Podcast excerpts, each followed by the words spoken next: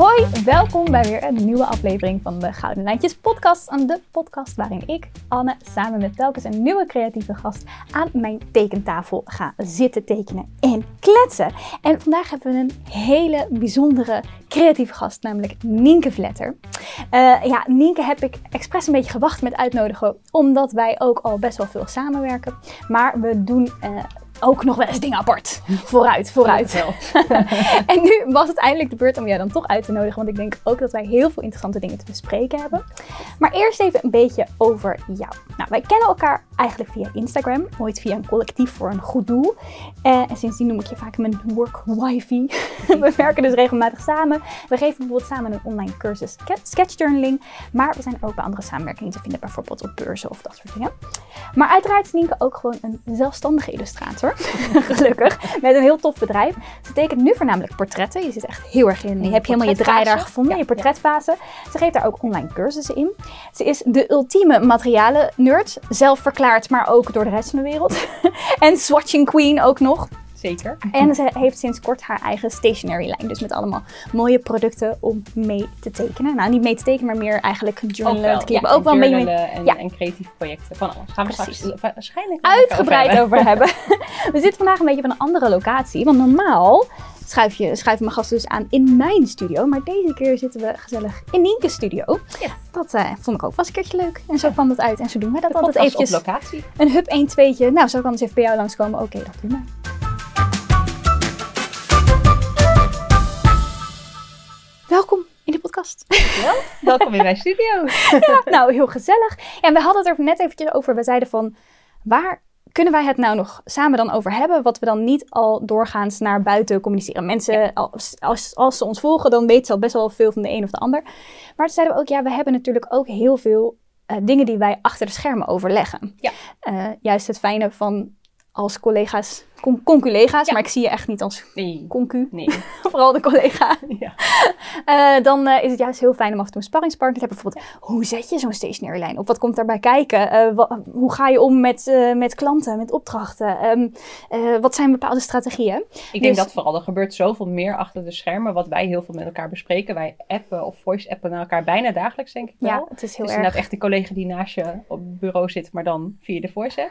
Um, maar inderdaad, daarin bespreken we zoveel wat, wat allemaal niet, denk ik, op Instagram te zien is. Want je ziet uiteindelijk alleen maar het eindresultaat bijvoorbeeld. Mhm. En niet een jaarlang proces of 10.000 overlegmomenten die eraan vooraf gaan. Dus ik denk dat dat heel leuk is om daar meer over te delen. Dat denk ik ook. En over eindresultaat gesproken. Wij gaan vandaag ook lekker tekenen. Elke, elke aflevering dan ga ik iets tekenen samen met mijn gast. Maar geen zorgen als je alleen aan het luisteren bent. We focussen ons lekker ook vooral op het gesprek. Voor zover dat gaat met het multitasken. Uh, maar als je wil zien wat wij aan het tekenen zijn en hoe wij dat tekenen. Dan kun je ook de video bekijken. En dat kan in de Gouden Lijntjes Community. Daar staat een link vast in de show notes. Of je kunt het even googlen. En dan uh, kom je daar vanzelf terecht. Mocht je meetekenen, dan vind ik het heel erg leuk. Vinden wij het heel erg leuk. Als je de hashtag Gouden Lijntjes podcast gebruikt. Want dan kunnen we bij elkaar vinden. Maar dan kunnen jullie ook elkaar vinden. Kijken wat jullie er allemaal van maken. Zet er lekker een kopje thee bij. Pak een potlood of een pen. En ga lekker aan de slag. Dan doen wij dat ook. En uh, Nienke, je hebt ook iets meegenomen. Nou, niet iets meegenomen. Ik ben naar jou toegekomen. ik heb klaargelegd. je hebt iets klaargelegd om, uh, om na te tekenen. Iets wat iets betekent voor jou in je creatieve carrière. Ja. En wat is dat? Uh, nou, het eerste voorbeeld waar ik gelijk aan moest denken... Um, is dat ik een vulpotlood heb wat van mijn opa is geweest. Een vulpotlood? Um, het is de opa van mijn moederskant. Um, en toen hij overleed, hij had wel best wel tekenspullen, um, heb ik een aantal van die dingen gekregen. Er zaten bijvoorbeeld ook heel veel calligrafie spullen bij, want mijn opa die kon heel mooi kalligraferen. Uh, zijn vader was docent op de vakschool en, en, het is een beetje running gag ook in de familie, dat uh, hij dan echt, uh, nou, echt letter na letter moest doen. En als dat niet goed was, dan was zijn vader het allerstrengst, omdat oh, ja. hij de docent was. En dan werd het echt zo onder zijn vandaag trok zijn blaadje en dan moest hij al die regels opnieuw doen. Oh. En het leuke was, ik had al best wel wat van zijn spulletjes, um, maar die lagen een beetje in de kast. Totdat mm -hmm. ik uh, jaren geleden begon met handlettering. Zo is mijn creatieve carrière een beetje begonnen. Mm -hmm. uh, en toen kwam ik in één keer dus allemaal dingetjes tegen. Ik dacht, oh, dat kan ik gebruiken. En inderdaad, de kroontjespennen kan ik gebruiken. En dus ook dit voorbeeldlood. En dan kun je dus ook, er zitten echt wat dikkere vullingen in. Ja. En achterin zit een dingetje, daar kun je hem slijpen. En er zaten dus ook vullingen bij, onder andere ook in blauw. Nou, dat is mijn lievelingskleur. Toevallig jouw lievelingskleur. Ja. Dus ik heb eigenlijk heel veel, toen ik net begon met handlettering, heb ik dit vulpotlood gebruikt. Wat leuk. Goed, toen zei ik, ja, daarmee tekenen is het allerleukste, maar wat gaan we dan natekenen? En toen dacht ik, nou, in mijn familie zit nog meer creativiteit. Mm -hmm. Want mijn opa van mijn vaderskant tekende ook heel veel. En eh, toen hij overleed, of toen mijn oma overleed, kreeg ik onder andere deze twee tekeningen die hij heeft gemaakt. Eh, met potlood in mijn geboortejaar. Ik zal ze ook even aan de camera ophouden. Ja. Dus dit is een foto van mijn moeder. En die heeft hij in mijn geboortejaar heeft hij die nagetekend. In zwart-wit. Ik denk met houtskool, als ik het zo zie. En dit is een foto van mijn overgrootopa. Die heeft hij dus ook met houtskool nagetekend. Prachtig. Voor de mensen trouwens die alleen luisteren, de foto kun je vinden in de show notes. Ja, die zullen we delen. Ehm, en toevallig heb ik hier, of niet toevallig, hij hangt bij mijn moeder in de, in de gang. Dus toen zei ik, mam, kun je even een foto sturen? Want dit is de originele foto waarop deze tekening gebaseerd is. Dus dit is de overgrootopa, of mijn overgrootopa van mijn vaders kant. En ik dacht, leuk om die te gaan tekenen als portret. Hartstikke leuk. Met het potlood van, van mijn moeders kant. Dus nou, zit maar het zit dus, ik wou net zeggen, creativiteit zit dus van beide kanten in Ja. je familie. Wat Zeker. fantastisch. En eh, heb je dat dan ook van vroeger uit meegekregen? Tekenen jullie allemaal vaak samen? Ehm, nee, niet heel veel. Ik weet wel dat ik bij inderdaad mijn opa van mijn vaders kant, dat ik dan wel eens in, ehm, in eh, de kast dook. En die had onder andere ook, weet je, zo'n doezelaar voor je potlood. En dat vond ik dus altijd, als ik die dan dat is om dingen een beetje vaag te maken. vaag zeg te maken. Volgens mij Ja. staat die hier ook ergens in. En dan dacht ik altijd, ja, hier kan ik niks mee, want er komt geen kleur uit. Ja, die ja. Ik weet niet of dit deze is. Ik heb er meerdere gekregen. Eh, dus daar teken ik wel. Maar ik, nee, het was... Het was ehm, ja, mijn, mijn opa's deden wel meer. Mijn opa deed bijvoorbeeld ook heel erg in houtbewerking van mijn moederskant. Mijn opa dus van wie dit potlood is. Eh, en mijn andere opa deed dat ook. En die ging ook wel eens eh, schilderen. Maar dat was denk ik ook een beetje nou ja, voor mijn tijd. Maar dus dat, ze waren dus creatief eigenlijk op een eigen manier. Op allemaal andere manieren Ja. dan. Ja, het was echt, eh, ja, echt wel hobbymatig. En er zat ook wel veel musicaliteit. Zeker in mijn vaderskant van de familie. Dus ik was vroeger ook vooral ook veel bezig met dansen en met zingen. Mhm. Dus ehm, Ja, je bent wel een podiumbeest, hè? ja, ja, dat vind ik, eh, dat heb ik echt van kinds af aan al altijd eh, heel leuk gevonden. Altijd graag in de spotlight staan. Ja. Is dat dan waarom je ook eh, bijvoorbeeld met Instagram bent begonnen? Je hebt hartstikke veel volgers op Instagram en je deelt daar dagelijks. Mhm. Is dat ook, was het een beetje die hang naar spotlight? Ehm, nou, het is wel iets wat ik altijd zeg. Ik vind, ik vind het niet erg. ik vind het niet erg. Waar sommige mensen heel erg ongemakkelijk worden van een podium of een camera. Ja, heb ik dat inderdaad van kinds af aan. Vond ik dat ja, heel leuk om, om met dansen of met zingen of dat soort dingen. Dus ja, ook met Instagram. Ik vind het gewoon heel leuk om te kunnen delen wat ik doe. En, en vooral ook daar anderen weer mee te motiveren. En, en mijn kennis te delen waar, ja, waarmee je anderen eigenlijk weer verder helpt. Dus ja, ik... eh, ik schuw het het, podium niet en ik vind het ook wel leuk om, eh, om eh, anderen daarmee te vermaken Ja, eigenlijk. leuk. Ja. En je doet het ook heel erg goed. Thanks. En eh, nou ja, ik weet natuurlijk ook veel van Instagram. Ik weet ook een beetje dat je daar ook veel opdrachten uit haalt. Maar denk je dat dat ook zonder Instagram mogelijk zou zijn? Ehm, Of komt dat wel echt? Nou, ik denk wel dat, dat Instagram bij mij wel heel erg heeft geholpen om, om een bedrijf te laten groeien. Ja, ik had het, toen ik ooit begon met Instagram was het echt meer, hey, ik, ik, eh, ik ga weer tekenen. Dat had ik jarenlang niet gedaan. En toen deed ik handlettering, dacht ik leuk. En dan om mijn eigen vooruitgang eigenlijk te volgen, ga ik dat eh, op Instagram delen. Dus het, het is niet, ik ben er niet mee begonnen heel doelgericht van, oh, dan wordt dat mijn bedrijf. Maar dat werd het wel. En toen merkte ik op een gegeven moment wel van... hé, hey, maar dan kan Instagram wel een tool worden. En toen ben ik dat wel echt eh, ja, heel bewust gaan doen. Dus ik heb op een gegeven moment ook zo'n 365 dagen project gedaan. Dat ik echt elke dag wel iets deelde. Hm. Ehm, en dat zorgde toen Heb je dan veel 365 dagen elke dag een tekening gemaakt? Ehm, ja, bijna elke dag wel. Oh. Ehm, maar toen was het nog mijn handlettering. Dus dat Oh ja. was... eh, Meer quotes. ja, eh, ik zit ondertussen even naar een gum te zoeken. Kun je de labo naast jou even open doen? Dat kan zeker. En hierbovenin. Ja, top. Eh, Eh, ja, dus het dus was eh, ja, inderdaad korte quotes of één woord. Dus dat was wat sneller te doen. En ehm, ja, op die manier ben ik toen, toen was het ook nog allemaal chronologisch, het algoritme. en toen ben ik inderdaad wel... eh, good old days. the good old days. Ja, toen ben ik wel in volgens mij iets van twee of drie jaar naar 10.000 volgers gegroeid. Ehm, en daarna de groei verder. Dat, dat heeft wel veel langer geduurd. Dus ehm, ja, dat heeft zeker geholpen toen. Ja, en ook eh, jouw stationary line, die dus nu net uit is ge- gekomen. Ja. Ehm, alle, eh, waar allemaal toffe clipjes in zitten. En een, en een, pons met eh, toffe tabbladen voor in dingen. Maar als shining nieuw ding is daar natuurlijk het schetsboek. Waar ik trouwens ook, ik, doe, ik vraag altijd aan mensen op mijn Instagram of zij vragen hebben voor mijn gast. En ik denk dat er nog nooit zoveel vragen binnen zijn gekomen als, wanneer komt het schetsboek? Wanneer komt het schetsboek? Ja. Kunnen, we, kunnen we dingen Kunnen we vragen? Ja, nou ik denk tegen de tijd dat eh, deze online staat, eh, dat de pre-order beschikbaar is. Ehm, maar hij is er eindelijk. Daar ben ik echt super blij mee. Dit was toen ik ooit gevraagd werd. Ik denk dat we gaan het zo wel even uitgebreider over het proces hebben. Ehm, ja, was dit wel echt mijn grote wens om een schetsboek te hebben. Eindelijk een schetsboek waar je alles in kan doen. Drie verschillende soorten papier in één mooi schetsboek.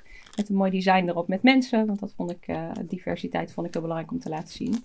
Dus uh, ja, dus daar ben ik super blij mee. Ja, fantastisch. eindelijk. Ja, want ik, ik uh, maakte dit bruggetje omdat ik dacht, ik weet natuurlijk hoe dat destijds is gegaan. Ja. Uh, wij kregen allebei, denk ik, een berichtje toen, ja. volgens mij. Van, en daarom wilde ik dat, dat bruggetje maken van dat iemand ons naderde van, hey, is het misschien wat om een stationary lijn te maken? En dat zou er niet zijn geweest als wij ons niet zo publiek nee. hadden opgesteld. Nee, nou, bij mij is dat uiteindelijk lekker met de scissor afgelopen. ik, voor mij was het nog iets te vroeg en bij jou was dat gewoon helemaal passend. Ja. Uh, en uh, uh, daar is zoiets moois uitgekomen. Ja.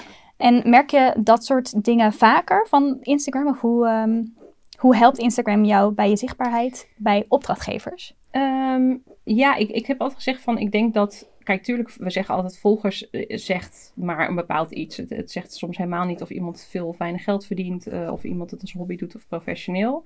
Um, maar op het moment dat je het wel als, als je beroep doet, is het wel ook richting met name de merken, zeg ik altijd. Dus ik werk veel samen met bijvoorbeeld uh, de stiftenmerken, de verfmerken, de potloodmerken. Dus een Winter, een Newton, een Royal Talens, een Edding, een Tombow. Mm -hmm. um, is het natuurlijk voor die merken heel erg interessant. Van als ik iets deel over een product, dan weten ze dat er ja, niet maar tien mensen meekijken, maar dat er eerder duizend mensen op een dag naar een story meekijken. Ja. Um, en het is denk ik ook een soort bevestiging van je expertise. Dus mensen zien inderdaad van, hé, hey, uh, je weet waar je het over hebt, want er volgen jou zoveel mensen, dat is niet zomaar, dus blijkbaar doe je iets goeds. Mm -hmm. Dus ja, ik zie het als een beetje, je, je Instagram is eigenlijk een beetje je online portfolio um, en het volgersaantal bevestigt dat, uh, ja, bevestigt eigenlijk je expertstatus, denk ik. Ja. En dat is uh, onderdeel van, van meer kanalen. Dus ik ben ook heel bewust uh, eigenlijk in, in de coronaperiode met mijn blog begonnen. Mm -hmm. um, ja, dat zijn ook allemaal dingen waar je in het begin heel veel tijd in investeert. Maar op een gegeven moment ga je dat wel terugzien. Dat mensen zeggen, hé, hey, wacht, maar als je iets wil weten over potloden, dan moet je de blog van Nienke Vletten lezen. Of als je iets wil weten over nou, alcoholmarkers, dan moet je de blog van Nienke Vletten lezen. Mhm. Dus, Ja, ja, want jouw blog is ook echt uh, één grote bron van informatie. je doet ook... Uh, Nerdige ja, je bent niet voor niets uh, de, de nerd van de, van de stationery. Je stopt daar volgens mij altijd echt heel erg veel tijd in. Ja. Um, ja, ik vind het belangrijk dat als ik iets deel, dat, dat ik weet waar ik het over heb. En ik weet echt niet alles, maar ik duik dan wel echt in zo'n materiaal. Kijk, probeer heel veel, kijk heel veel YouTube filmpjes, zodat wat ik deel, de info, dat die ook wel klopt. En, hoop ik altijd. ja, dat, dat, daar ga ik, ik vraag jou om advies, dus ik mag ja. hopen dat dat... ja, dat is wel een ding, altijd als ik uh, iets over een potlood wil weten, en dan zeg ik altijd, Nien, heb je deze toevallig al getest? Ja. En dan uh, en soms krijg ik ongevraagd advies, dan zeg ik, uh, je deelde net iets wat niet klopte. Echt? Deel ik wel eens dingen die niet kloppen? Oh, nee, nee. kijk. Valt mee hoor, maar... Nou komt aap het mouw. Nou durf ze dat opeens zeggen, gewoon even aan publiek in een podcast. Word ik helemaal... uh, maar um, uh, is dat ook dan, uh, is dat iets wat je uit pure passie doet? Om zegt, jij zegt van, nou, hè, het heeft altijd wel een beetje die creativiteit in mijn familie. Ik weet ook dat het een heel grote hobby van jou is geweest, altijd het tekenen. Terwijl je er geen opleiding in hebt gedaan. Ja. Uh, want je hebt uh, eerder in communicatie en daar werkte je ook in. Ja. is dat delen op zo'n blog, is dat dan echt vooral vanuit die hobbymatige passie? Of doe je dat wel echt bewust strategisch? Um, nee, het is ja, misschien een combinatie. Het is echt wel heel erg mijn passie. Ik word oprecht giga blij als er weer zo'n mooie nieuwe set uh, in huis uh, komt en, uh, en ik daar weer helemaal in kan duiken. Dus mm-hmm. ik was al van kinds af aan, als ik dan voor Sinterklaas, dan zat ik ook altijd naar alle mooie tekenspullen te kijken. En zo'n weet je, zo'n mooie doos die je soms ja. had. En er zaten en, en kleurpotloden en verf en pastelkrijtjes in. En dan ging ik ja. allemaal kleur sorteren. Dus dit zit er letterlijk al van kinds af aan in. Um, en ik merkte op een gegeven moment ook wel dat ik dus steeds meer vragen kreeg. En um, dat ik dacht van, hé, hey, er moet even een slimmere manier zijn dan dat ik iedereen individueel de vraag ga beantwoorden. Uh, hoeveel handiger zou ik zijn als ik, uh, als ik dit bijvoorbeeld in een blog deel? Um, ja, dan kunnen veel meer mensen het lezen. Heb je ook een soort naslagwerk. Mm-hmm. Um, koppel ik inderdaad bijvoorbeeld vaak een affiliate code aan. Niet dat dat nou mega veel oplevert, maar het is toch ergens lekker als je zoveel tijd in steekt. Dat, uh, ja, dat je soms toch een deel van al die al die tijd daarin terug uh, verdient. Ja, voor, dan kan je weer ja. een setje pennen kopen voor zo'n... Precies, uh... ja. Dat is meestal de affiliate inkomsten die ik heb. Dus dat betekent dat uh, webshops bijvoorbeeld mij een klein percentage geven als mensen via mijn blog bij hun wat kopen. Nou, dat, dat besteed ik bijna altijd aan weer nieuw materiaal kopen om, om daar weer in te duiken. Ja. Dus nee, het is echt heel erg vanuit een passie. Ik word daar zelf gewoon heel blij van. Um, maar vervolgens is het ook fijn als je het weer voor je business in kan zetten. Ja. En voel jij heel, ook de druk van social media. Ik heb dat zelf wel eens, we hebben daar natuurlijk ook wel eens over. Maar bijvoorbeeld het delen van zo'n blog. Iedereen deelt natuurlijk uh, weer van alles. En dan denk je, oh, dan ik- ik weet- je hebt toevallig net een, een enorme potloden vergelijkingsblog eh, erachter gezet. Mhm. En dat je dan ziet dat iemand anders ook net iets over een potlood deelt. En je denkt, oh, was ik maar sneller? Of was ik maar... Heb jij daar last van? Ik weet dat ik daar heel erg last van heb. Eh, ja, soms wel. Zeker als, het iets is waar je al mee bezig bent. Dat je dan denkt van, oh, nu moet ik ook heel snel. Ehm, en tegelijkertijd vult het elkaar ook wel weer aan. Want dan, dan weet je wel van, oh, blijkbaar leeft het onderwerp. Dus ehm, ja, is het, is het ook alweer alleen maar een stok achter de deur van, oh leuk, dan, eh, ik was er toch al mee bezig. Nou, dan is het een goed, goed moment Ja. om me nu eh, ook snel te gaan delen. Dus ehm, Ja, dat community over competition. ja, Dat deel. zeker. Daar geloof ik heel erg in. Het, het versterkt elkaar allemaal. En natuurlijk eh, baal je wel eens als iemand anders net eerder is met een bepaald idee. Ehm, ik had er laatst over met collega Carla Kamphuis over brushsettering. Ik was met een andere collega al bezig met de opzet voor een boek over brushsettering. En dat kwam eh, door eh, gezondheidsomstandigheden bij, bij hem kwam dat stil te liggen. En, ehm, en vervolgens eh, kwam Carla Kamphuis met haar boek over brushsettering uit. Toen dachten we, ah, te laat. Ja, ja, en dat kan dan zo geheel toevallig ontstaan. Zeker, ja. En tegelijkertijd helemaal niet erg, want ja, eh brushlettering is zo ontzettend meer nog haar ding. En bij mij was het één van de dingen die ik deed. Dus uiteindelijk denk ik dan ook, ja, dan, dan komt het ook bij de persoon eh, bij wie het het meest past. Dus Mhm. het is ook helemaal niet erg. En wat doe je in het geval van zo'n... eh, Het een beetje schil bij mij ja, ondertussen. bij mij is het sowieso een soort... eh, ik ben ondertussen... ik ik weet niet, ik, ik weet niet of ik je opa helemaal eh, eer aan doe, maar eh, het is... eh. Maar eh, ja, Eh, wat, ik wilde vragen, wat doe je in geval van zo'n eh, van zo'n tegenslag? Als je dan dus best wel je zinnen ergens op hebt gezet. ehm, en ja, be- best wel een soort strategie eromheen hebt bedacht. En dan blijkt dat opeens niet door te gaan. Ja, het was in dit geval bijvoorbeeld ook, dat boek was ook nog niet zo ver. Tuurlijk denk je dan even, oh, balen. Maar eh, nou, het is zo. Ehm, ja, wat ik zeg, ik, ik denk dan altijd van ja, ik geloof altijd ook wel een beetje in eh, het gebeurt allemaal om een reden. Dus ja, als het soms zo leuk loopt dat het dan niet door kan gaan, ja, dan heeft het vast ook zo moeten zijn en dan komt er wel iets anders op zijn pad. Ik ben wel heel, heel erg iemand van eh, glas is eh, half vol. Dus tuurlijk baal je dan eventjes, maar ja, dan, dan komen er wel weer andere momenten, andere kansen op je pad. Dus eh, Ja. Heerlijk positief. ja, Ja. ja. dat, dat ben ik altijd wel Ja, dat is goed. heel optimistisch. En ehm, als je dan zo'n zo'n nieuwe kans aan het zoeken bent, hoe doe je dat dan? Hoe ga, ga je daar actief op af? Of, Nee, ik denk, tenminste, ik ben. Het is ook wel een beetje dat het vaak ontstaat. Ja, het, het is heel erg inderdaad je volgen waar je zelf heel blij van wordt. En dat is wel iets wat ik steeds meer bevestigd krijg hoe belangrijk dat is. Ehm, zoals bijvoorbeeld zo'n stationair lijn. Ja, ik had al, ik heb jaren daarvoor denk ik al geroepen van. Oh, ik was altijd heel erg fan van mooie notitieboekjes ook en zo. En ik werkte bij een reclamebureau en dan. en mijn, eh, mijn leidinggever daar en ik waren er al helemaal fan van. Dus zeiden we, oh, ik heb weer zo'n mooi boekje gevonden. En toen dacht ik al van, oh, hoe tof zou het zijn om uiteindelijk mijn eigen station airline te hebben. ja, Maar het was niet dat ik daar heel actief naar op zoek was, maar meer in mijn achterhoofd had van, oh, als dit een keer eh, voorbij komt, dan is dat heel leuk. Dus op het moment dat ik de mail kreeg van Fase, waarmee ik dit samen heb gedaan, zij zijn een groothandel in, eh, in hobbyproducten. Ehm, ik kende hun toen nog niet, dus in eerste instantie voor mij hebben we ook toen contact Ja. gehad van, hey, eh, een, een hobbywinkel uit Limburg, ken jij hem, is dit wat? Nou, toen bleek Mhm. het een best wel grote, best wel grote partij te sorry zijn. fase. Sorry, fase. Ehm, maar dat is dan wel iets waarop je dus ehm, ja, dan gelijk eigenlijk inspringt. Dus ik denk dat dat het vooral is. Niet zozeer dat ik soms heel erg zelf actief naar dingen op zoek ga. Soms ook wel. Ehm, maar vooral op het moment dat een kans zich voordoet, er dan op inspringen. Mhm. En Ja. ja dat vooral denk ik. Ja, en, en eh, nou ja, wat jij ook zei, van dat we dan eventjes overleggen, dat komt ook best wel vaak voor. En dat vind ik ook wel een heel erg krachtig iets van social media. Dat we elkaar eigenlijk gewoon via social media kennen. Ja. En dat je dan dat soort collega's hebt en dat je dat niet alles in je eentje hoeft te doen. Nee. Als, eh, Nee, want dit was bijvoorbeeld ook een partij waar onze collega eh, Karin van Paperfuel ook mee samenwerkte. Dus dat je dan inderdaad even Carla kan, of Karin kan bellen van... hey, jij kent hun al, hoe bevalt de samenwerking? Is dit een aanrader? Het is gewoon heel fijn dat je dat even bij elkaar kan checken. En eh, ja, op die manier... eh, ik zeg altijd, het voelt sinds ik freelancer ben alsof ik eigenlijk meer collega's heb dan daarvoor. Iedereen werkt dan wel voor zichzelf, maar ja, een heel groot deel ziet elkaar inderdaad niet als concurrent, maar echt als collega's. En eh, ja, Oh. Even wachten, mijn ding is Ehm, goed. Nee, du- dus daarmee ehm, ja, maak je denk ik met elkaar de markt ook leuker door niet te bang te zijn om dingen te delen. En natuurlijk Mhm. moet je soms even tactisch zijn en dingetjes nog even niet delen. Ja, Ehm, dat hoort ook bij social media natuurlijk. Ja, maar je weet op een gegeven moment ook wel van, hé, bij wie eh, kan ik in vertrouwen wel dingen delen Mhm. en advies vragen. Oh ja, ja, ja. Ja.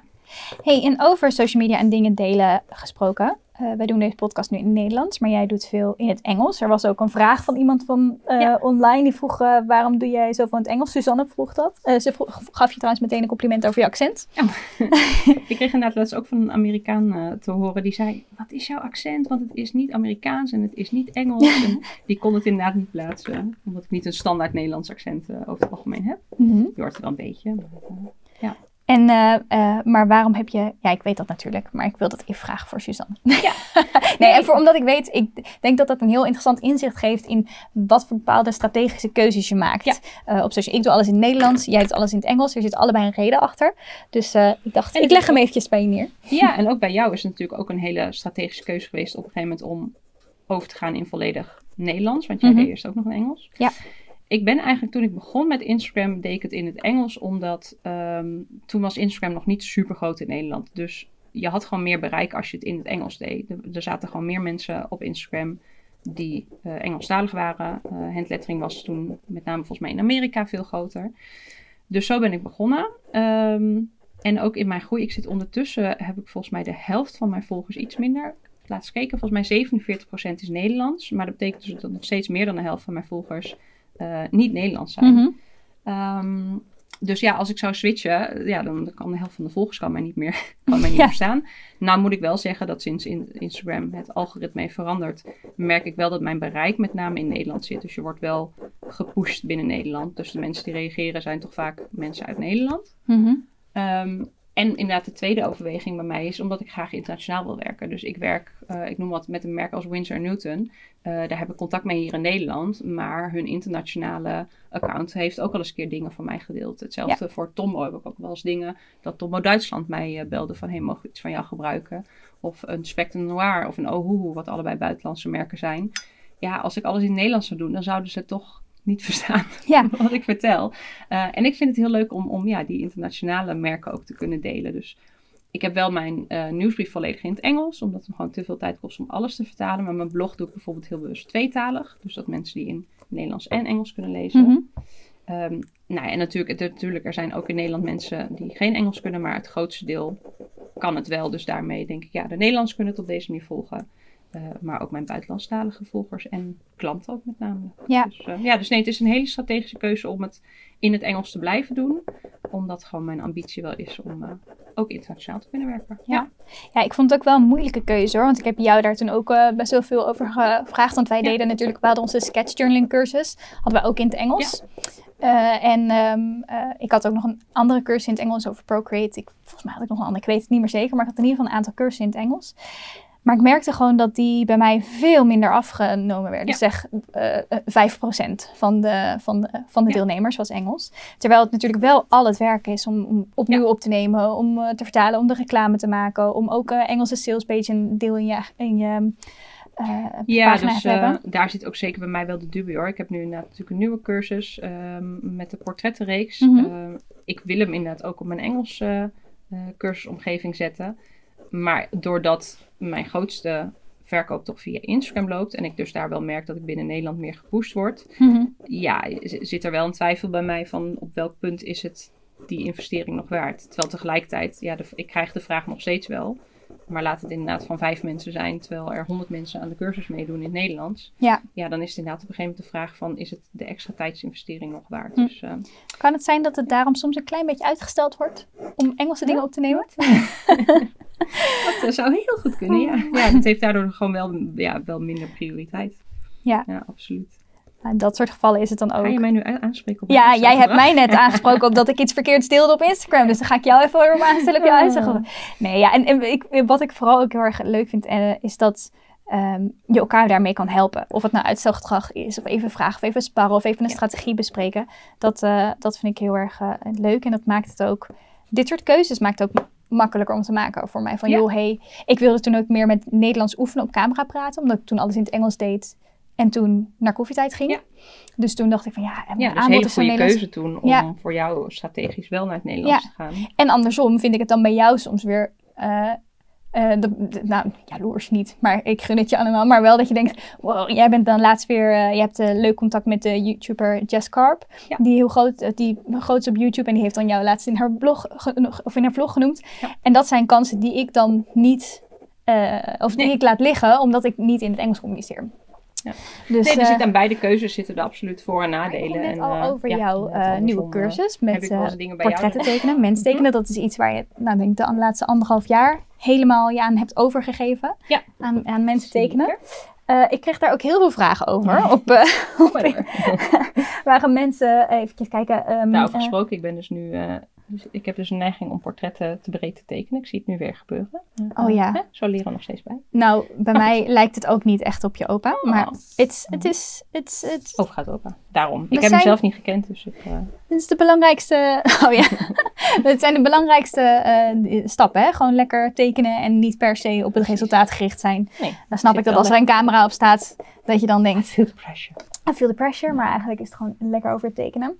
Eh, ik heb net precies de naam niet eh, ge- ge- opgeschreven van degene die vroeg, waarom teken je portretten? Waarom ben je begonnen met portretten? Sorry als ik je naam dus even niet heb genoemd, maar Ehm goeie vraag. Wat, wat, eh, nou, waarom ik echt begonnen ben, ik merkte dat ik het tekenen van mensen aan het ontwijken was. Dus wij deden veel sketchjournaling Mhm. en urban sketching. En elke keer als er dan eh, mensen in, het, in de scène zat, dan eh ging dat ontwijken. Mhm. Of ik ging het op een tactische manier doen. Ik, heb laatst eh, heb ik het teruggezocht, dat deelde ik ook op mijn stories, dat ik erachter kwam dat ik in die periode heel vaak mensen gewoon met handen in hun zakken bijvoorbeeld Oh, deed, ja. want ik geen handen tekenen. Ja, die fase ken ik ook. Ehm, en mensen dus van de achterkant kwam ik achter. Dat ik dan wel mensen tekende, maar dan dat iemand van achter op de rug gezien. Ja. Dus ik zat het heel erg te ontwijken. En toen dacht ik op een gegeven moment, ja, er is maar één manier om hier beter in te worden. En dat is er gewoon mee beginnen. Want Mhm. anders ga ik het nooit leren. Dus toen ben ik heel bewust begonnen. Ik heb toen ehm, met Inktober, wat zo'n eh, jaarlijkse challenge is eh, in oktober, om eh, een maand lang ehm, één ding te tekenen. En officieel is dan met inkt, maar je mag ook andere materialen gebruiken. Mhm. En toen dacht ik, weet je wat, ik ga gewoon een maand lang ga ik alleen maar portretjes tekenen. En dan, dan kan niet anders dan dat ik er beter in word. Ja. En toen zag ik inderdaad dat ik in een maand echt zo gigantische sprongen aan het maken was. Het gaat Ehm, allemaal om oefening natuurlijk ja, uiteindelijk. dus dat ik toen inderdaad eigenlijk redelijk snel daarna mijn cursus heb gelanceerd. En ik merkte nu ook weer voor mijn nieuwe cursus, ja, was ik weer veel bewuster aan het oefenen. En ook daarin zag ik zo gigantische sprongen vooruit in, ja, in maar een paar maanden. Mhm. Dus dat is een beetje de reden waarom ik het uiteindelijk toen ben begonnen. Ja, en daarnaast, ik heb op een of andere manier altijd al fascinatie ook voor mensen gehad. Dus toen ik mijn studie ging uitzoeken, moest je natuurlijk altijd open dagen bezoeken. Eh, toen twijfelde ik ook heel erg tussen iets met creativiteit of iets met eh, mensen. Dus ik ben naar psychologie geweest en sociologie en pedagogiek en echt al die richtingen. Eh, en allerlei creatieve opleidingen, want ik was heel veel aan het zingen en dansen. Dus eh, ik ging kijken bij eh, het conservatorium en theaterdans. Maar conservatorium moest je per se een instrument spelen. En toen had je nog niet al die mooie rockacademie en musicalopleidingen. Maar anders was jij gewoon een musicalster Dat geweest. is wel, dat is als je mij vraagt wat is je stiekem droom, dan had ik heel graag was ik Een musicalster. Ja. Oh, geweldig. Ja. Zit dat, gaat dat ooit nog, kom, ooit nog in de toekomst nee, dat gebeuren? heb, ik, dat heb ik al lang opgegeven. Ik heb ooit een keer meegedaan met zo'n zo'n eh, eerste voorronde van zo'n op zoek naar achtig Oh, echt? Ja, ik dacht ik moet het gewoon een keer gedaan hebben. Met op zoek naar eh, Evita of zo. Ja, ik weet niet meer welke het toen was. Toen gingen ze echt in zo'n huis met een aantal. Ik weet, volgens mij was dat. ehm, eh, nou, ik kan er nu even niet opkomen. Maar goed, ik lag er de eerste ronde gelijk uit hoor. Dus de, de professionals waren door. Mhm. Dus ehm, nee, dus ik heb altijd zitten twijfelen iets tussen creativiteit en, en die andere kant. En ik ben uiteindelijk toegepaste communicatie gaan studeren. En dat was een studie waar, nou, waarin ze zeiden dat er ook creativiteit in zat. Dat Mhm. bleek uiteindelijk in praktijk tegen te vallen. Mm. Ehm, maar ik heb het nog steeds als het gaat om, om, om dingen, ook, ook eh, mentale gezondheid en dat soort onderwerpen. Ik, ik blijf het fascinerend vinden wat mensen beweegt. En met name ook waar je tegenaan kan lopen als, ja, als je wat minder eh, makkelijke omstandigheden hebt en dat soort dingen. Dus, er zit, dus op een of andere manier komt denk ik die beide interesses die ik altijd al gehad heb, eh, eerst heel erg op de andere kant gefocust. Uiteindelijk miste ik in mijn werk gewoon heel erg de echte creativiteit om zelf te doen. Mhm. Dus eh, ja, dat ben ik gaan doen toen ik eh, illustrator werd. En nu komt die mensenkant weer terug. Ja, leuk Dus hoor. ja, ik vind dat grappig als je achteraf terugkijkt eh, hoe het dan toch weer bij elkaar klopt of zo. Dat je En dat zie je altijd pas achteraf. Want Ja, dan zie je in één keer zo'n rode lijn van, oh, maar wacht, ik was eigenlijk in elke bal, Ja. baan al op zoek naar meer creativiteit. En, ik ga trouwens ondertussen, ik heb ooit, we kwamen hier laatst op dat we deze potloden ooit gekocht hadden. tenminste ik, ja, Dat zijn drie kleurige potloden. Dus drie ik dacht, kleurige potloden. Heerlijk. ga gewoon lekker een beetje... Ik ga ze eh, straks ook doen. ja. Ga jij lekker een beetje daarmee stoeien? Ja, en dat is ook ehm, eh, wat je heel vaak natuurlijk hoort. Een beetje die dooddoener van hoe vind je je stijl? En dat mensen zeggen, je stijl zit al in je. Hij moet er alleen nog een beetje uitkomen. Ja. Maar dat is eigenlijk precies ditzelfde. Die zie je vaak pas achteraf. Hoe meer kilometers je maakt, je moet gewoon oefenen, oefenen, oefenen. En opeens zie je, dan valt het kwartje, net zoals dat jij bij jou anderhalf jaar geleden. "Oh, mensen, dat Ja. wordt het gewoon. Terwijl je tekent ervoor misschien af en toe wel eens een keer een poppetje of je vermeet het. Dus ja, Ja. je trekt een hoofd van, oh nee, ik vermeet het echt. En dat weet je dus in het begin nog helemaal niet zo. En opeens vallen alle puzzelstukjes Ja. samen en dan denk je, dit past bij mij.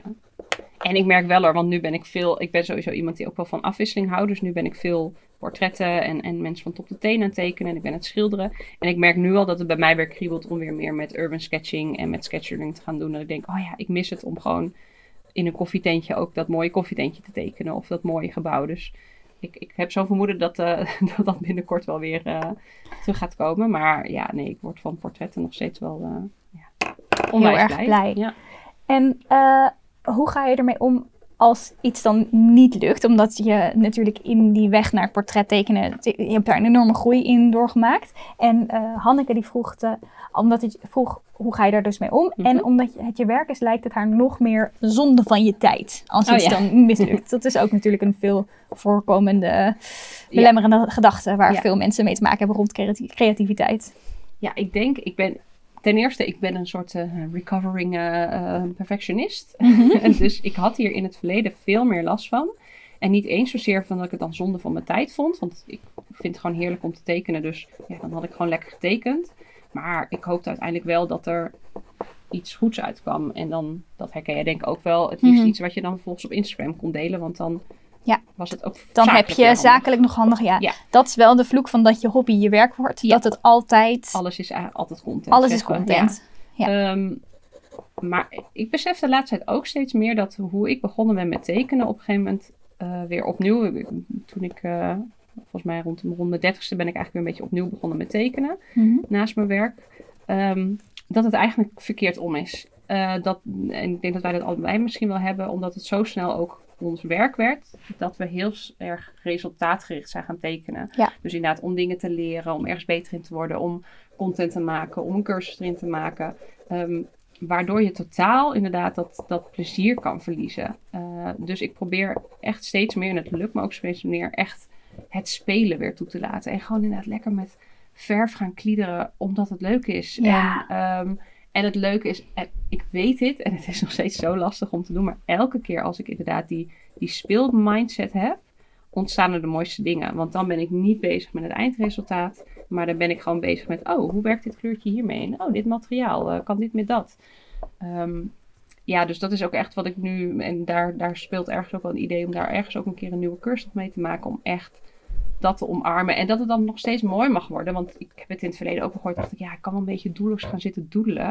Ja, dan wordt het heel lelijk. Maar daar word ik uiteindelijk niet blij van. Mhm. Ehm, maar daar de middenweg in vinden. Dus die middenweg tussen spelen en ontdekken. En het plezier en het proces. Ja. Maar dat er uiteindelijk echt wel wat leuks uit kan ontstaan. Maar ja, veel leuker, interessant resultaat als het... het resultaat als het los is en als het inderdaad... Ik word heel blij van kleur en van gelaagdheid en van structuur. En dat krijg je niet als je keurig laagje voor laagje... Of tenminste een heel keurig laagje opbouwt. Maar dat krijg je als je lekker nou, met dit soort potloden gewoon hup, hup, hup, lekker gaat spelen. Beetje in weergast. Dus Ja. als je dat perfectionisme ook los durft te laten. Ja, en dat je inderdaad bezig bent met gewoon... Hé, hey, wat doet deze kleur op deze plek? En dus dat, dus dat, dat is wel wat ik... En dat is heel lastig. Ik zeg, het heeft me ook jaren gekost om dit te beseffen. Eh, om dus veel meer te gaan focussen op echt het plezier en het spelen. En dat er dan de mooiste dingen ontstaan. Ehm, en jezelf de tijd gunnen om te leren. Wat ik zeg, toen, toen ik echt aan de gang ging voor bijvoorbeeld die, die, eh, het mensen leren tekenen. Toen wist ik ook, ik moet dit leren. Dus dit gaat niet gelijk goed. En de eerste keer dat ik iemand in het echt ging tekenen...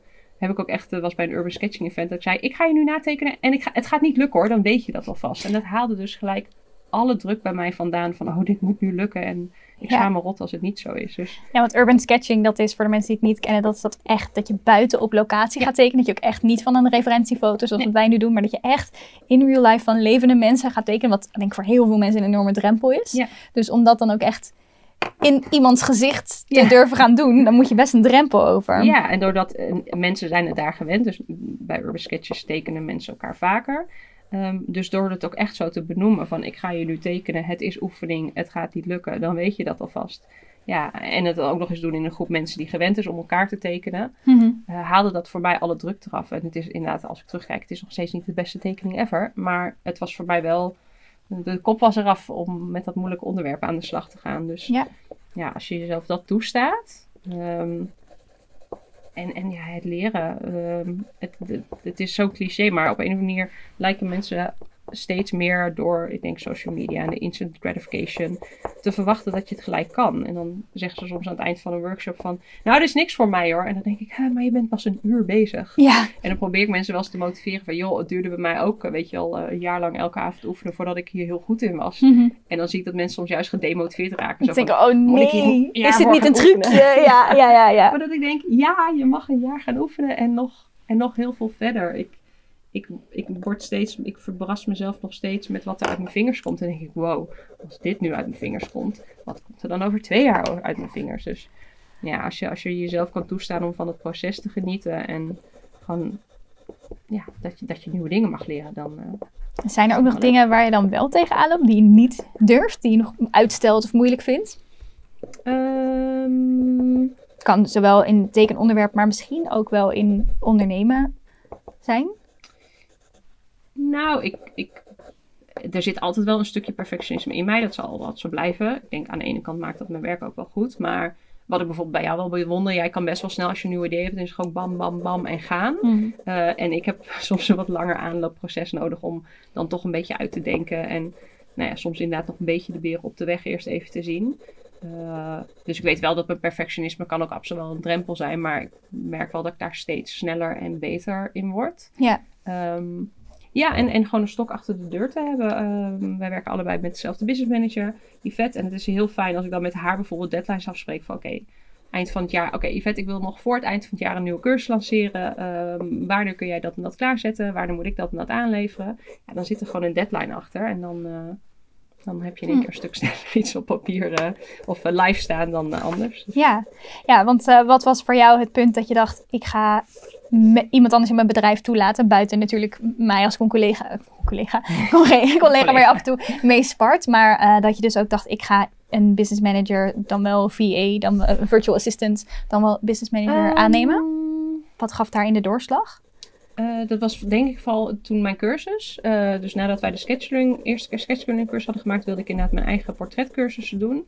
En daarvan merkte ik eh, dat het technische deel mij heel erg eh, in de weg zat. Dus uitzoeken op welk platform wil ik het en het allemaal instellen. En zorgen dat er een nieuwsbriefkoppeling achter zit. En daar zit gewoon zo, dat is bij mij de grootste energielek, dat soort dingen uitzoeken. Dus toen dacht ik, ja, als ik nu die cursus online wil hebben, dan moet ik zorgen dat iemand anders dit stukje voor me oppakt. Dus dat was voor mij Ja. de, ja, het moment dat ik eh, haar ben gaan inhuren. En hetzelfde had ik volgens mij op een gegeven moment met, eh, met mijn belasting. Daar zat ik zo tegenaan te kijken elke keer dat ik dacht, oké, Elke ondernemer denk ik inderdaad. ja, het wordt tijd om hier gewoon eh, eh, mijn, mijn boekies, heet ze bij ons, de boekie, tenminste, die, waarmee ik werk, Mhm. boekhouders, te gaan doen. Want ik zat het elke keer zo uit te stellen dat het dus ook echt daarmee een hele grote klus werd. Mhm. Dus, Ja, maar goed, inderdaad, want jij zegt ja, het werd gewoon tijd, huppatee, het was zo. Maar ik denk dat voor veel ondernemers dat wel een moeilijk punt is om te herkennen.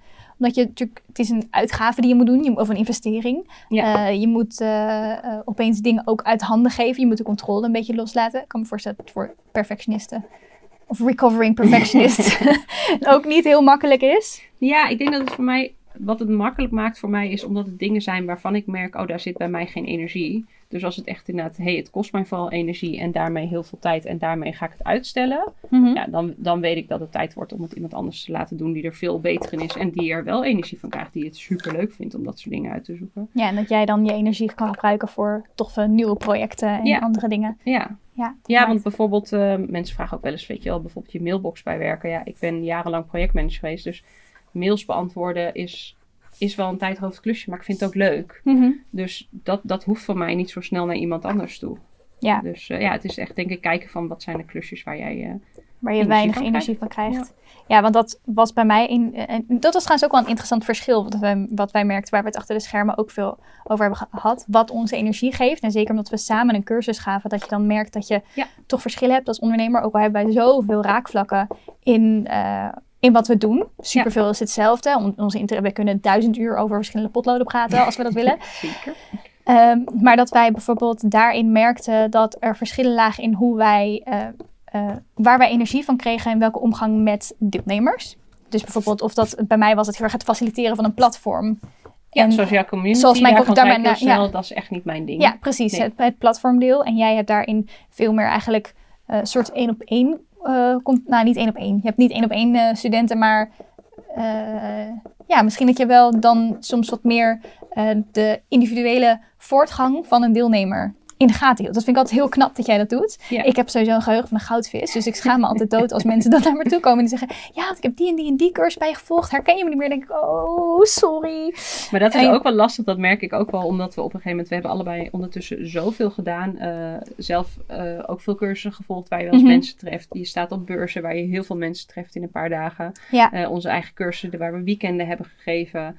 Ehm, dus ik heb heel vaak dat ik mensen echt wel herken, maar dat ik tegenwoordig ook echt wel als eerste vaak zeg: Oh, eh, ik Help herken je, even. maar even context. Welke cursus kennen we elkaar van of welk evenement? Ja. Ehm, maar nee, dat, ehm, ja, ik denk misschien zit daar wel een verschil tussen eh, introvert extravert. Wij zijn allebei volgens mij een, een combi van die twee. Mhm. Ehm, maar ik merk wel dat ik op dat vlak misschien meer de introvert ben, als in inderdaad, ik heb liever inhoudelijke diepe gesprekken met één of een paar personen. Ehm, terwijl jij bijvoorbeeld iets beter gaat op een grotere groep. En dat is voor mij, ik heb het dan liever iets kleiner, inderdaad, een echte diepgang in. Ja. Eh, en hetzelfde met mijn cursussen. Dat is ook, als ik op een gegeven moment kennis heb gedeeld in een cursus, dan denk ik: Oké, ik ben klaar voor de volgende uitdaging. Dus hier is mijn kennis. Ja. Kijk de video wanneer jij wil.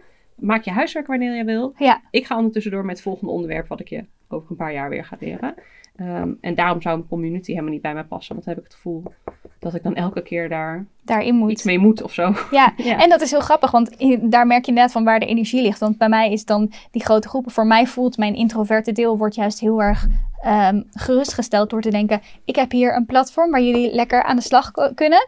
En eh, ehm, dan hoef ik me niet schuldig te voelen als ik niet individueel heel erg eh, ja. het, het weet. Dus dat voelt voor mij heel erg als een soort beschermlaagje van: oh, daar kan ik even die rust vinden. Even, mijn privédeel is privé, zeg maar. Dat, Ah, dat ja, en terwijl- voor mij zou een community zou heel erg voelen als dan moet ik daar. Ja, dan, dan moet ik nog meer dan op Instagram, want daar betalen mensen voor. Ja, ja, ja, ja, ja. ja, grappig. Ja, het is interessant. En eh, ja, dat vind ik dus een van die leuke dingen waarvan mensen misschien. eh, ehm, eh, met, met, met ondernemer, weet je, je doet heel veel zelf. Maar het is ook zo waardevol om mensen om je heen te vinden. Of je nou ondernemer bent of niet. Maar het is heel erg waardevol om mensen te, te vinden die een beetje hetzelfde doen. Want vaak denk je, eh, dat is allemaal. Kan je allemaal over één kam scheren Ja, en ik leer er niks nieuws, we weten het ongeveer. En je gaat jezelf ook heel snel vergelijken met andere mensen. Terwijl als je met elkaar dat gesprek openhoudt, dat je merkt dat eigenlijk ieder zijn eigen kracht heeft. En dat je elkaar daar ook heel erg in kan helpen. Of dat je mensen Ja. eh, daarin kan inspireren. Dus dat vind ik wel. ehm, Ja, en daarin fijn. inderdaad heel erg ontdekken. Nou ja, waar, waarin, terwijl misschien voor de buitenwereld wat wij doen heel erg hetzelfde is. Terwijl wij wel zien dat er nou, best wel nuanceverschil zitten in, in welke dingen je aangaat of niet. Dus Ja. ja, ja het komt daar ook weer terug hoe cliché het is. Maar elke keer vinden inderdaad wat het meest bij jou past. En waar je het meest blij van wordt. Ja, als je dat doet, dan wordt het zoveel makkelijker eigenlijk. Oh, wat een wijze les, wat een wijze les. Mag ik heel even een puntenslijper van jou? Bovenste laadje. Ja, natuurlijk. Even kijken. Eh, daar in die hoek. Ja, zit er een grote als het goed is. Echt, jongen. Bianca, sorry voor deze editing allemaal. Dat is hartstikke leuk. Is hartstikke gezellig. Kleine. Jammer. Oh, Ja, we doen Dat het zonder er wordt geen punt zijn voor. Je nog een keer? Nee, volgens mij ligt hij niet daar. Nee, ga maar door. Ehm, ik moet eventjes weer erin komen. Is het nog leuk om ook wat meer over het hele stationaire lijnproces Ja, dat, ik zat er net te, te, dat te vertellen. Dat zat net wat denken of je nog iets over de stationary lijn eh, doet. Even kijken voor het haakje. Dit is wel heel relaxed dat ik dit gewoon zo met jou kan bespreken. Voor Bianca wat minder relaxed. Sorry Bianca. Ehm, eh, wat, waar stoten we nou net mee af? Met eh, Samen dat dingen. iedereen zijn Oh, eigen ja. ding vindt en dus volgt Ja. wat je leuk vindt. Ja, Oh, oh, dat ja leuk. wel haakje. Ja, heel goed waarom jij haakje. niet wel een stationaire lijn gaat doen. Ja. Andersom. Nou ja, en dat van die eigen dingen, dat kan je ook heel goed terug zijn, terugzien in dat wij bijvoorbeeld letterlijk dan hetzelfde mailtje. Volgens mij zelfs letterlijk hetzelfde mailtje kregen met een aanbod voor een stationary lijn. En we zijn ook bij de eerste afspraak. We zijn daar samen heen geweest. Ja. zijn samen naar die afspraak heen geweest. Eh, en dat je dan toch merkt, bij de een past het veel meer. Bij de, ook, ook al vonden we het allebei hartstikke leuk.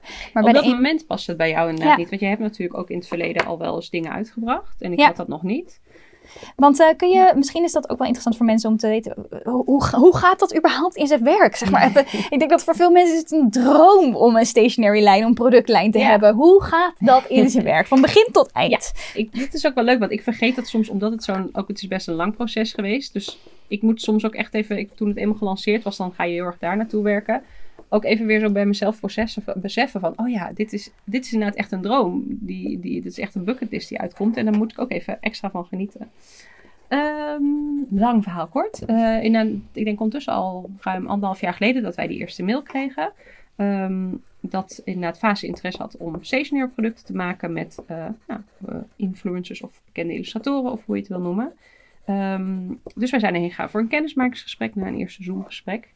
Eh, en hun vraag was dus eigenlijk vooral wat past bij jou, wat, wat vind jij leuk om te maken? En dan gaan zij ook kijken van past dat ook bij ons? Eh, zit daar genoeg marge op? Want ik had bijvoorbeeld ook een idee van mooie stempeltjes voor je bullet journal, maar dat, dat was voor hun dan weer minder interessant product. Dus eigenlijk was het eerste, ik zeker het eerste half jaar, was vooral heel erg ehm, ideeën met elkaar bespreken. Dus wat waren mijn ideeën? Wat was voor hun mogelijk? Eh, contractafspraken maken.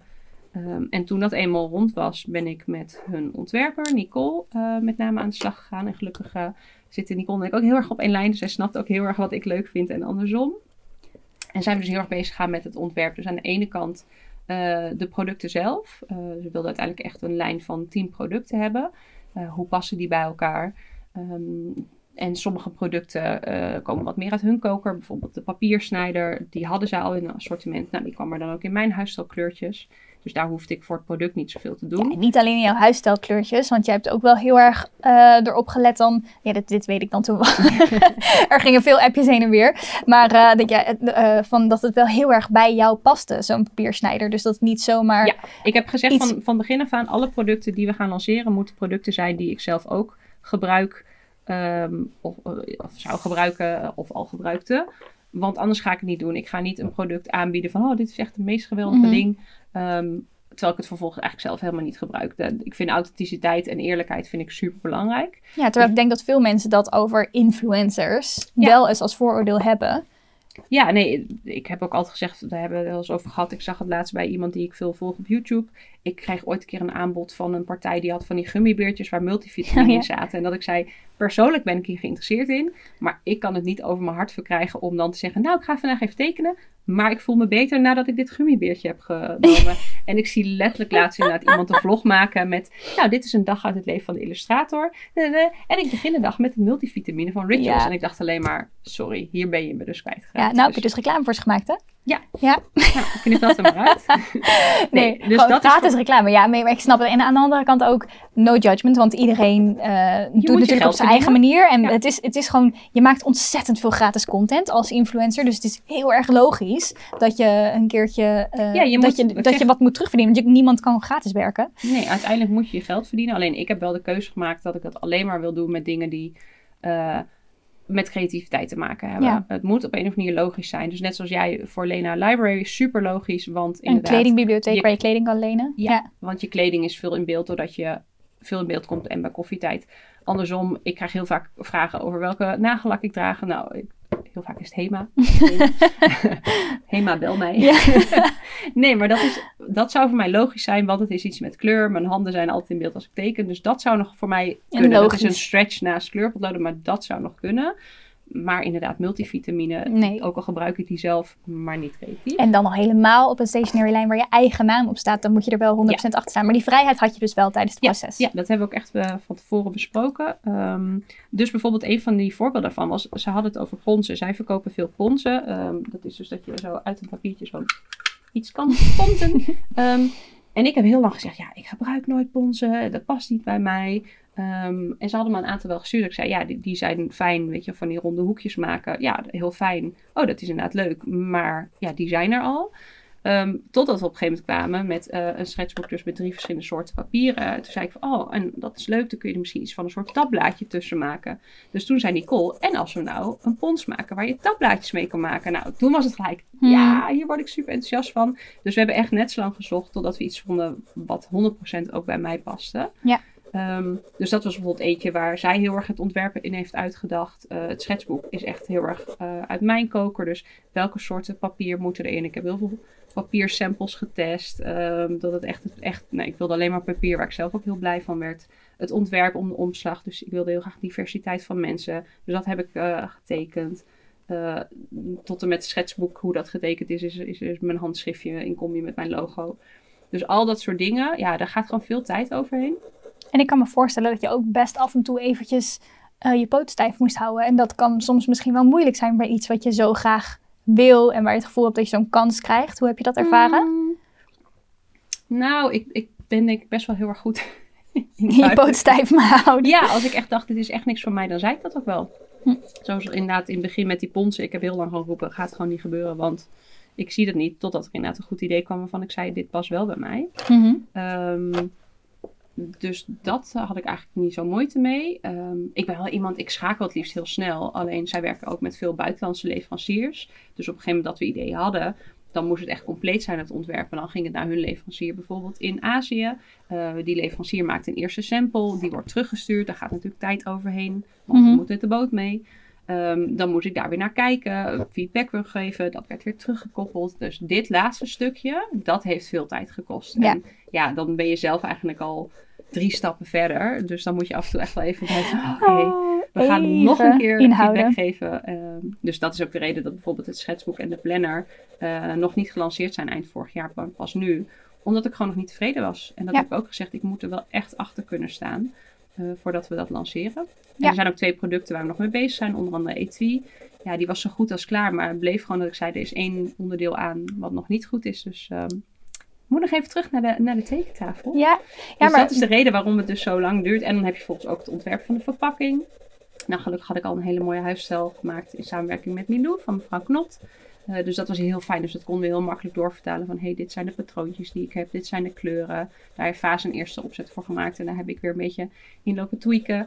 Eh, totdat het inderdaad een standaard ontwerp was... wat we toen heel makkelijk konden doorvertalen. Dus, Dus het is echt heel erg de hele tijd heen en weer Ja. pingpongen van een samenwerking. Van kijken wat werkt, wat niet. Ja. Waar, waar voel je nog fijn bij? precies wat moet aangepast worden. Soms dat ik het even de aanpassing deed. Soms dat zij het deden. Ehm, maar ja, dus dat zorgt ervoor dat het een...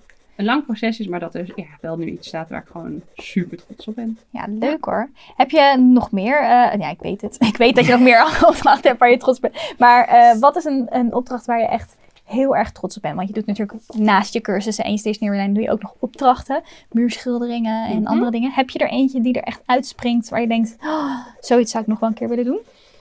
Ehm, ja, qua muurschilderingen heb ik er afgelopen jaar wel echt veel minder van gedaan. Mhm. Eh, ik merkte wel op een gegeven moment dat ik daar ook de eigen creativiteit in miste. Dus toch heel veel de boodschap van de klant communiceren. En dan ook nog een beetje op een manier, eh, want ik deed veel bijvoorbeeld in organisaties. Dus dan is het niet alleen maar, zeggen, mooie aankleding op een muur, maar ook dat het een boodschap moet communiceren. Mhm. Eh, dus dan was je toch veel bezig met de boodschap van de klant vertalen.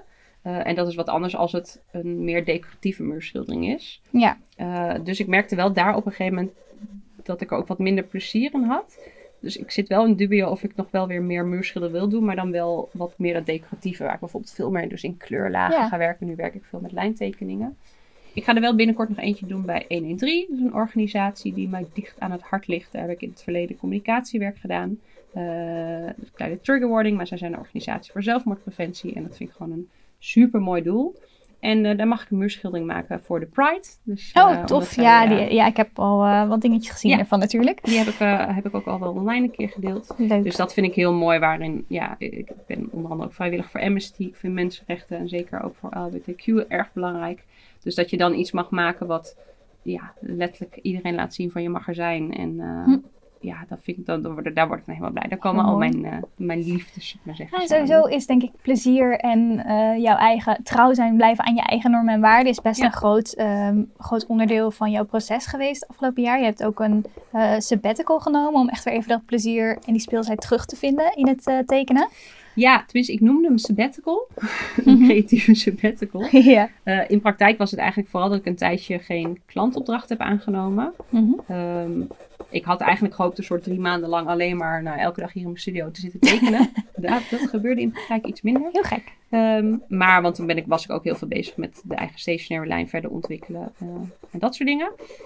Maar ik heb wel in die periode dus eh, inderdaad bewust weinig klantwerk gedaan en echt aan mijn eigen projecten gewerkt om weer te ontdekken en coaching gedaan, één op één coaching, om echt te ontdekken waar, eh, ja, waar ik weer blij van werd, ook als, als maker en niet alleen als ondernemer. En wat is de belangrijkste les die je daaruit hebt geleerd? Ehm, hoe enorm belangrijk het is dat ik tijd maak om zelf te creëren. Hm. Eh, ik was eh, niet afgelopen jaar, maar het jaar daarvoor eigenlijk alleen nog maar doelgericht bezig. Dat herken je denk ik ook wel. Yep. Nou, wat we al zeiden, alle soort content. Dus of het was voor een klant, of het was voor mijn eigen workshops, of het was voor Instapost. Ja. En met name ook als bijvoorbeeld workshops waren voor klanten, wat ik echt heel leuk vind om te doen. Maar dan was het op een gegeven moment wel, hey, het moet met deze bij spreken vijf kleuren set. Het moet over dit onderwerp gaan, want daar gaat de campagne nu over. En het moet dan een workshop zijn via Insta Live binnen een uur. Ja, Ja. Dan word je zo ingekaderd dat je eigenlijk, en het moet dan ook nog goed te volgen zijn voor mensen die het materiaal nog niet kennen. Dus dan word je zo ingekaderd in wat allemaal kan. En hoe leuk ik dat aan de ene kant die doorvertaling ook vind. Ja, ik miste daar wel heel erg ehm, om, om dus mijn eigen creativiteit in kwijt te kunnen. Eh, en ik zie dus nu ook dat ik de afgelopen tijd die tijd heb genomen om, ehm, om weer zelf veel meer te tekenen en om schildersles te nemen. Hoe erg ik dus groei en wat ik in een korte tijd ineens weer leer. Wat ik voor mijn gevoel mijn eigen ontwikkeling een beetje stil had gestaan het jaar daarvoor. Dus waar het ergens voor ons soms voelt als een luxe van, oh nou als we tijd over hebben, Dan, gaan we een keer ik voor tekenen. mezelf tekenen. Mm, Is het dus voor mij bijna nu andersom. Ik moet eerst tijd maken voor mezelf om te tekenen, om te schilderen. En daar rollen de ideeën wel uit. Want daar kwam mijn laatste cursus eh, Colorful Portraits ook uit. En die wil ik nog met veel meer verschillende materialen gaan doen. Ehm, dus op het moment dat ik die tijd neem, dan, dan rollen die ideeën vanzelf eh, weer uit mijn koker. Of, of dan ben ik met iets bezig en dan belt een klant. hey, ik zie dat je nu met dit materiaal bezig bent. Zullen we daar samen iets mee doen? Dus eh, ja, dus in plaats van het een, eh, een luxe maken, om dat echt een noodzaak te maken, om dat prioriteit te geven. Ja. Ja, Heel, heel, dat is denk ik mijn belangrijkste les geweest. heel belangrijk en een goede les sowieso in creativiteit. Omdat je het zonde is als je het helemaal verstikt door praktische dingen. Ja, want dan krijg je denk ik wat, wat er soms gebeurt, dat mensen van hun werk hun hobby maken en dan de passie volledig ervoor kwijtraken. En Mhm. bij mij is het nog steeds mijn grootste passie. Maar dat, dat, eh, ja, dat dreigt een beetje, dat bedreigt wel een beetje kwijt eh, te raken. Ja. Oh, fijn dat dat weer teruggekomen is. En ik denk ook al waar we net over hadden, om inderdaad vanuit die waarde te werken. Dus ik vind diversiteit en gelijkheid voor mensen onwijs belangrijk. Dus daar kies ik heel bewust voor om dat in mijn werk ook te laten zien. Dus in mijn cursussen om mensen van oud tot jong, tot dik, tot dun, eh, van alle afkomsten, alle kleuren. Eh, dus iemand stuurde me laatst weer een berichtje dat ze dat zag en dat ze daar heel positief over was, omdat je het heel vaak niet ziet. En dacht, ja, dat is precies, ik, dat is een hele bewuste keuze geweest. Ik ben blij dat mensen dat ook zien. En dus ook daarin komen ook weer, ja, ik kies hier heel erg voor om, eh, om mijn waarde ook op die manier terug te laten komen. Ja. ja. Misschien, ook niet alleen in tekenen, maar ik denk eigenlijk misschien in alles wat, wat mensen doen, dat het heel erg belangrijk is om bij jezelf te blijven. Vanuit die Ja. waarde te creëren en dan, eh, Ja. dan En gaat het ook en makkelijker. Als je het zo zegt, is het zo voor de hand liggen. Ja, hè, we, het kunnen we lekker met clichés smijten hier. Maar ja, het Nee, is... maar het het- is het, ja, het is een cliché, denk ik, omdat het waar is. En omdat we dat soms wel eens vergeten, omdat iedereen Ja. denkt, je moet meedoen met wat in is. Maar nee, dat, eh, daar, daar geloof ik al lang niet meer in. Lekker trouw zijn aan jezelf. Ja. Ik vind dat best ook wel een, eh, een mooie om af te sluiten. Ja, eigenlijk Denk wel, je ook niet? Ik denk dat het een hele mooie is. En ook Mag ik onze... dan zo meteen na de, na, de, na de schermen nog even het laatste ding afmaken? voordat hij aan je muur komt? Ja, je weet, ik, ik roep het altijd. Hè. Als je eenmaal begint met tekenen, dan kan je niet meer Oh, stop stoppen. ik Dat is regelmatig zo. Eigenlijk elke podcastgast tot nu toe heeft ook nog gezegd... oh, ik zet nog even één streepje of één Precies. dingetje. Maar op een gegeven moment is het ook genoeg, genoeg hè? Kleine Alleen zijn perfectionist. kraag nog kleur en dan stop ik. Nou, ga jij zijn graag nog kleuren? Dan ga ik ondertussen eventjes afsluiten. eh, want alle informatie over Nienke, alle links en alle dingen waar we het over hebben gesproken. De foto's die vind je allemaal in de show notes. Ehm, ook eh, als je dingetjes over de stationary lijn wil bekijken. Ehm, als je deze podcast nou heel leuk vond, laat dan alsjeblieft een review of een comment of een like of een 5 sterren. Het hangt een beetje af van welke app je luistert. Laat dat gezellig achter, want dat helpt ontzettend. Ehm, de video, als je die dus wil bekijken, dat vind je in de Gouden Lijns community. En als je lekker meetekent, of als je gewoon iets gezelligs over de podcast hebt te zeggen, dan gebruik dan de hashtag Gouden Podcast. Nienke, ontzettend bedankt. Het was weer heel gezellig. Dankjewel. Ik uh, ga ook nog even doortekenen, ik. Heel even dan. Wel gezellig. Het is wel leuk geworden zo, Zeker. toch? Ik uh, hoop dat mijn, uh, mijn dit te overgrootopa trots op ons is. Heel erg leuk.